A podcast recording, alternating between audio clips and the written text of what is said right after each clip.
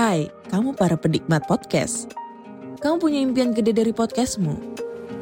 Terus First Story bisa banget bantu kamu.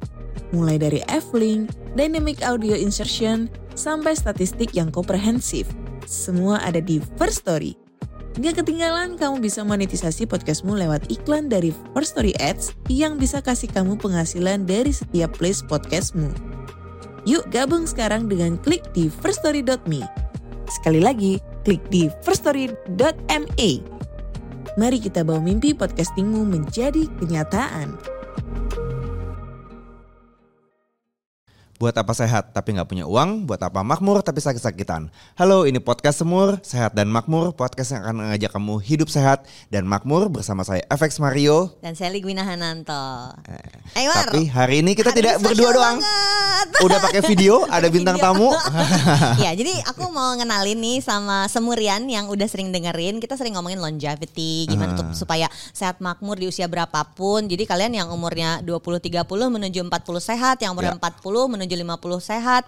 Aku punya kenalan yang kenalan aku banget Kenal nih. banget. Kenal dari lahir sebenarnya Kenal dari ya. lahir. yang adalah eh, kakaknya mamaku yang umurnya di atas usia pensiun. Ya. Sok sebut teh pensiun tuh usia berapa? Ini jauh di atas itu. Tolong sambut dengan meriah Sam Bimbo. Yeay. Yeay. Aku memanggilnya Walonang. Wah saja. Wah aja, aku Wah. ikutan aku ikutan manggil Wah aja ya. Ikut-ikut panggil Wah ya Mar. Oke, Wah ini podcast aku sama Mario tuh selalu ngebahas tentang sehat dan makmur. Jadi Hmm. hari ini kita mau belajar dong sama yang usia berapa Wah? Mau 82, 81 udah lewat, jadi kita menuju 82. Umur 81 bentuknya kayak gini guys. Masih sehat. Nggak kayak 80 tahun. Iya, iya. Ngomong-ngomong audiens kita, audiens kita kenal nggak ya? Jangan-jangan audiens kita yang anak lama doang yang Iya, kenal. yang ya. seumuran kita yang kenal. Ceritain dulu kalau gitu. Sang Oke. Bimbo itu siapa sih, Wak? Jadi memang ini di, di luar pertanyaan tadi, banyak sekali kalau kita manggung, Heeh. anak-anak muda yang cantik, minta difoto om, ayo. Apa, Adik saya Jaka tuh oh, dengan manis di foto. Buat siapa? Buat Eyang. buat mama, buat Eyang. Ya, Buat ya, ya, ayamnya. ya, ya, ya, ya, ya. Nanti aku juga mau foto, nanti kasih mama. segitu ya. Iya. Jadi ke- kenapa ya? Karena Eyang penggemar Bimbo, oh syukur. Dia, dia sendiri nggak tahu Bimbo Iya, seperti iya. apa. Tapi lagunya pasti tahu lah. Iya. Kalau bulan puasa pasti denger. Kasih nyanyi dong sedikit, Wak, lagunya Bimbo. Halo, halo Bandung. Enggak gitu. Bimbo datang dari Bandung. Gitu. Oke, Mar, kita masuk ke Oke. topik yang lebih serius. Yuk. Sehat dan makmur. Hmm. Eh, dari sisi sehatnya lah kita bahas ya. Eh, sehat itu kan berarti kita nggak eh, ya tentu saja ngomongin angka medical check up di laboratorium gitu kan. Tapi nggak seribet itu Tapi lah nggak kita seribet obrolan itu. kita. Kita ngomongin mungkin ngejalanin sehari-hari lah, ngejalanin hidup sehari-hari. Masih segar, masih bisa ngapa-ngapain, masih bisa jalan dari Bandung ke Jakarta. Tadi berangkatnya tadi pagi berarti. Wah, Tuh, masih Jadi- sehat banget. Kebetulan biasanya kalau saya berdua sama istri saya nyetir. Masih nyetir Masih Bandung nyetir, Jakarta. 81 tahun nyetir luar kota. Asal jangan bolak-balik ya. Iya, iya, iya. Satu kali jalan karena ngantuk. Oke. Nah, Oke. Nah besoknya pulang bisa. Jadi Tapi nginep dulu bolak- satu ya. malam. Jadi kalau bolak-balik susah. Nah, Oke. itu satu handicap karena usia. Aha. Kemudian satu lagi ya banyak kekurangannya. Jadi gradasi ya. Mata udah mulai mulai eh, kalau baca pakai kacamata. Oh, saya juga kalau kacamata baca udah Sama baca. kok Wak, kita juga. Dia tetap flamboyan. Mau syuting itu ditanya, Wina, wah pakai baju apa? Tetep loh karena Ada make up kalau di keluarga Gitu. di keluarga ibuku cantik adalah jelek, eh, jelek adalah dosa ya, ya. Harus ganteng dan cantik terus. Tapi apa sih kesehariannya? Wah, karena aku sama Mario tuh selalu bahas soal sehat itu em, soal gaya hidup. Iya. Bahwa kita harus ngurus tidur, ngurus makan dan olahraga. Kayak kalau Wak kayak apa sih? Yang saya rada sedih itu olahraga ya, rada rada rada malas. Mhm. Tapi kalau makan istri itu ketat. Pagi tidak makan eh, yang namanya Manis-manis. Bukan Karbohidrat. Selain manis-manis itu juga apa? Nasi, roti itu apa? Oh, Karbohidrat. karbohidrat. Karbo. Jadi buah. Makan Ya, karbo. Buah-buahan. Wah, Tuh. Nah, pagi Tuh. buah-buahan. Tuh, Win, Makan tuh. bener hanya siang. Tadi pagi saya makan arem-arem. saya makan roti. Memang Oke, itu Jadi sarapan tuh buah. Buah. buah ya. Siang baru makan itu eh, yang berat. Full Ya. makan Nah, nasi. malam diusahakan tidak. Mm-mm. Paling-paling sup ya. Oke. Jadi ya kita nurut aja karena balik lagi sakit itu mahal. Betul. Karena kemarin saya pernah dicek sama dokter kebetulan urusan prostat Ya. sudah di udah di udah diobatin Ya. kemudian saya ada perlu bertanya Heeh. ketemu lagi dialog sama dokternya dok ya udah terima kasih pulang nah balik lagi tadi menu pagi itu dan satu eh, kurangi melek saya dulu tuh bisa seminggu nggak tidur Kita semua Oke. tahu bukankah masalah hidup kita adalah di Iya, tidur, tidur. ya. Nah kemudian makan eh, tidurnya tidur sekarang udah tua nih kita menjemput masa depan. Masa depan saya itu bukan jadi menteri, bukan jadi presiden, masuk kuburan. Nah, Agak ngeri obrolannya. Agak awkward kita Iya, guys. iya, iya, iya, iya. jadi ingin kuburan masuk kuburan tuh jangan nyusahin orang. Iya. Karena banyak yang orang dulu. sakit ya. Mm-mm. Itu saya suka sedih. Memang barangkali perjalanannya itu karena ber- kemarin beberapa kali ada beberapa teman usia lebih muda dari saya rata-rata stroke dan CA. Meninggal, meninggal. Malah kemarin ada yang meninggalnya sangat sebentar begitu lihat, waduh, itu tidak nyusahin ya. Meninggal sebentar tuh kan langsung digarap, dimandikan, Iya. didoakan, langsung dikubur. Iya. Ini yang kasihan yang yang tahunan di rumah sakit. Iya, iya. Jadi itu kan menjadi beban Jadi semua. jadi sehat tuh bukan cuman soal uh, sakit ongkosnya mahal tapi juga supaya nggak sakit panjang Iya, yang iya. menimbulkan ongkos ya. menimbulkan ongkos ya. Nah kemudian jadi cepet. Jadi polanya gini, pola hidupnya dirubah. Tidur dan bangun Mhm. biasanya melek sekarang dirubah cepet tidur cepet bangun gitu. Oh. Jadi gua tidur jam berapa berarti kalau malam? Biasa tidur paling cepat jam 8 ya. Biasa habis sholat isya kalau ngantuk bobo. Hmm. Itu istri saya nonton eh, sinetron sama bobo. Nah bangun jam dua setengah tiga. Oke. Terus melek. Jadi diikut hitung-hitung jadwalnya tetap 8 jam tidurnya Iya, tetap. iya, iya. Cuman iya. digeser. Ganti Cuma, di- geser waktu. cuma lebih Nah. cepat maju. Siang ada tidur dong berarti Pak? Ada. Itu biasanya saya tidur Habis sesudah duha gitu ya? Habis duha. Itu sekitar jam 9 10, satu jam dua jam cukup. Iya. Nah, melek lagi. Nah, itu biasanya ngegambar atau bikin lagu gitu. Oh. Jadi profesi saya hari ini tuh ngelukis, eh, bikin musik, eh, bikin Dan lagu, menyanyi. nyanyi dan suami yang baik. Buat Sebelum istrinya. sebelum masuk nanti kita dapat bocoran tentang profesi yang ternyata di umur 81 tetap berkarya itu, olahraganya tadi belum sempat dibahas. Nah, olahraganya dulu saya sempat nge-game. Mhm. Tahu-tahu umur segini, wah itu udah nggak bisa sekarang sekarang belajar belajar, belajar stretching Mhm. dan belajar jurus-jurus dari eyang-eyang orang Cina. Eh, tai Chi. Tai Kayak Chi. kayak itu Ya. yang kaki dijingkat-jingkat gini, Ah. kemudian pinggang gini. Ya, ya, Itu ya. bagus buat stretching ya, Wak, ya, ya, jadinya. ya. Sup- Pokoknya itu jangan Badan sampai tetap gerak, sendi Iya, tetap bergerak. gerak. tapi tetap ada faktor malas. Iya, Nah, pasti. saya untuk menjawab faktor malas, saya membeli di rumah tuh ada sepeda statis. Oh ya. Nggak enak. Nggak suka. Bosan ya? nonton TV, nonton tembok. Akhirnya saya bikin sepeda. Bikin sepeda. Bikin beli sepeda, Ha-ha. tapi dimodifikasi ban depan dua, ban belakang satu. Jadi Walonang ini nanti ada foto viralnya punya sepeda tricycle. Roda tiga. Ya, roda tiga. Jadi nggak yang peloton gak gayaan. Iya, iya, iya, iya, iya. Tapi tricycle-nya menurut gua keren banget. Nanti fotonya Nanti lu kita- lihat ya. nanti Ya, fotonya ya. kita tayangin di podcast gua juga. berapa eh, kami tuh janjian buat hari ini tuh weekend kemarin Iya. terus pas mau nelfon mau janjian tuh ntar dulu Win wah mau olahraga dulu wah mau naik sepeda hari minggu pagi dia masih sepedahan Hmm, Mar wah berapa kali seminggu eh, rutin Ini- sepedahan Ya paling paling pa- paling dikit eh, paling dikit satu kali. satu kali Ya, jadi ya, di hari minggu kali ya. itu ada gengnya wah apa gimana Justru itu uang nggak punya geng. Gak punya Jadi orang lihat sepeda tuh banyak yang kagum dan iri dan Heeh. sebel ya. Ini ngapain lagi ya? Oh ya, si aki-aki teh ya. pakai sepeda roda Dan tiga. orang nggak kenal karena pas saya pakai kacamata yang hitam tuh Ya, kayak ya. densus, Oh, ya. terus pakai helm. pakai helm. Jadi Iya. nggak kelihatan Nggak kelihatan, rambutnya. iya. Nah cuman saya pakai listrik. Nah ini banyak yang sebel kenapa pakai listrik? Karena saya latih lutut, bukan melatih ini lutut dan jantung kan. Iya, iya. Di Bandung tuh kalau dari Tanjakan. Tanjakan Bandung, semua. Bandung itu Iya. soalnya tanjakan semua. begitu turun dari flyover Ha-ha. di Cikapayang, belok ke kiri ke Dago. Iya. Nah itu sekitar 5 km sampai ujung Dago. Heeh. Itu tanjakan terus. Ya, Tanjakan. Goes terus Oh, sampai oke. tuntas. Nah sampai ujung matikan pulang Turun ke bawah ke Itu aja segitu sederhana. Tapi itu udah berkeringat dan lutut udah terini. Kurang lebih setengah jam, satu jam gitu ya. Ya sekitar satu jam. Itu berarti dapat apa aja, Mar? Kardionya Kardio dapat. dapat, ngelatih otot otot eh, sendi dan dan eh, otot dan sendi dapat di dengkul. Dapat semua lah. Dapat semua ya. Sinar matahari pagi bagus kan? matahari lagi, Heeh. ya. Ya, jadi saya biasanya tidak terlampau pagi jam 8 9 gitu, Iya, iya. Cuman itu saya suka senangnya orang udah ada berkeringat kita susu Pakai sepeda listrik. Pakai sepeda listrik. orang kalau ada yang kenal, eh Kang gitu ya ya ada aja terus. Ya, ya, ya, ya, Ya, ya. bukan Jadi bukan kalau hari Minggu ada yang nemu di Dago lagi pakai sepeda roda tiga itu adalah uaku. Keren banget. Jadi satu eh, bu- bukan sombong ya. Orang beli sepeda harga sampai ratusan juta. Iya. Saya nggak punya duit segitu mending beli mobil kan. Iya. Cuman balik lagi ini satu sehat, kedua orang lihat kan. Ya.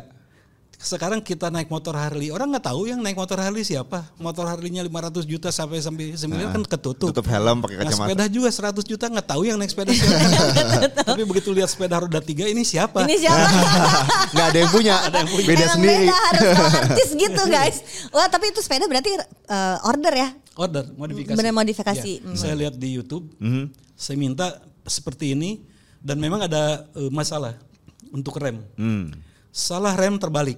Oh, Karena oke. ban depan dua, Heeh. dua-duanya harus sama. Heeh. Kalau di rem satu ma- mati, satu enggak, terguling. keguling soalnya masih muter Jadi dia. butuh skill khusus itu, Nah, itu untuk si naik sepeda kayak yang gitu. bikin modifikasinya sampai lebih dari dua bulan membenahi kalau Supaya bareng ya, gitu remnya. sama kiri kanan. Jadi Dan sekali pencet dua-duanya dua-duanya kejepit. rem, iya. Ah. Jadi alhamdulillah udah beres. Jadi olahraga itu tadi tadi eh, Tidur, tidur cepat, makan olahraga yang makan benar. cepat ya. sama, Sama olahraga. olahraga. dan satu lagi berdoa yang benar. Nah, ibadah tuh spiritual nggak boleh lupa. juga harus Ya. jalan Kenapa ya. nunduk Andre? Saya bukan sok nyantri ya. Enggak, enggak, enggak, enggak. Endingnya makanya tadi ending kita tuh apa kuburan. Iya. Mudah-mudahan kita masuk kuburan dalam husnul khotimah kan. Iya. Tuh. Amin ya rabbal alamin. Tuh kan lengkap kalau sama Pak Samimbo. Iya. Sekarang kita masuk ke skill yang eh, dibutuhkan untuk tetap menghasilkan uang. Banyak banget orang berpikir pensiun umur 55 berhenti kerja deh lo. Eh, financial freedom dapat passive income berhenti kerja deh lo. Nggak sehat yang kayak gitu. Iya kalau punya aset dan menghasilkan aman. Iya. Aku tahu Bimbo juga zaman dulu punya rumah di kontrakan ya. Jadi Iya. itu passive income-nya kalau zaman dulu tuh dari properti. Iya. Tapi yang menurut aku seru banget adalah sampai usia 81 itu Uwa tetap berkarya dan tetap menghasilkan. Tadi Iya. udah sempat sebutin ada tiga profesi yang penting banget tuh. Jadi penyanyi, penulis lagu dan pelukis. Pelukis. Eh, kayak apa sih proses menghasilkan uangnya, Wak? Berarti dari muda emang udah suka tuh ya, Wak ya? Tiga-tiganya memang udah tiga-tiganya dikerjain dari udah dulu ya. Ilmu yang saya dalami yang dapat ijazah itu sebagai pelukis. Oke. Jadi saya sarjana seni lukis ITB, Oke. tapi terlunta-lunta karena tabrakan dengan musik. Oke. saya pernah jadi dosen di arsitek eh, Parahyangan, Ya. kurang lebih dua tahun, tiga tahun lupa lagi. Ternyata musik naik, Ya. saya tinggalkan Iya. profesi sebagai dosen di arsitek tuh karena ini musik eh, sangat membutuhkan waktu, jadi saya butuh serius. Nah akhirnya di musik dulu. Ternyata perjalanan musik tuh hari-hari ini sangat jelek Ya. dengan pembajakan dan tidak karu-karuannya hak cipta. Nah saya ak- sempat aktif membantu di Kumham melahirkan undang-undang hak cipta. Ya. Di mana si pencipta punya hak sampai mati, habis Atas mati lagu tersebut. 75 tahun. Hmm. Itu semua pemusik pop Indonesia, Gus Plus dan segala macam, itu semuanya kontraknya cuman kuit- kwitansi dan barangnya hilang. Oh iya, udah Ya, pasti lah, ya. udah puluhan tahun ya. Jadi Saya setelah ada si undang-undang itu, Nah, undang-undang itu barang tuh kembali Hmm. kepada pencipta. Jadi sesudah pencipta meninggal masih ada 75 tu- 75 tahun. bisa turun jadi waris berarti Iya, ini ke, bisa. ke Nah, keturunannya. jadi alhamdulillah dan ini yang kita perjuangkan nggak tahu. Cuman saya kerjasama dengan menteri dan dirjen sampai lahir ketetapan ini dan berhasil. Ya itu udah buat saya sih happy bukan apa-apa mereka berarti ber- mendapatkan ya hak cipta ini. Dan hari-hari ini udah berubah. Dulu tuh musik ada barangnya. Ya. Sekarang goib. Jadi digital maksudnya? digital. Kamu Nah, mau tahu logo Bimbo?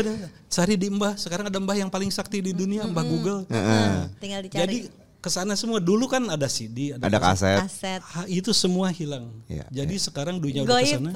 Goib. Jadi nah itu musik ya. Kemudian dalam dunia lukis sekarang pun sama. Itu kalau kita bisa berhasil hari ini bisa dahsyat sekali. Ya. Tapi banyak juga yang saya sedih. Jadi pen, eh, pemalsu.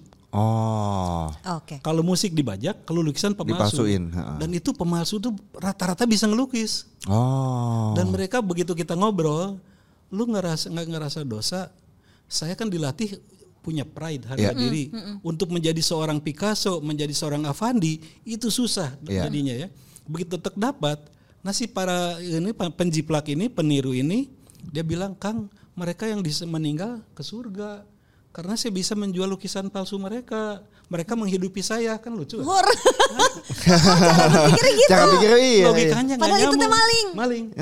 Lukisan palsunya pakai sertifikat palsu dijual dan kolektor tidak tahu dan harganya mahal.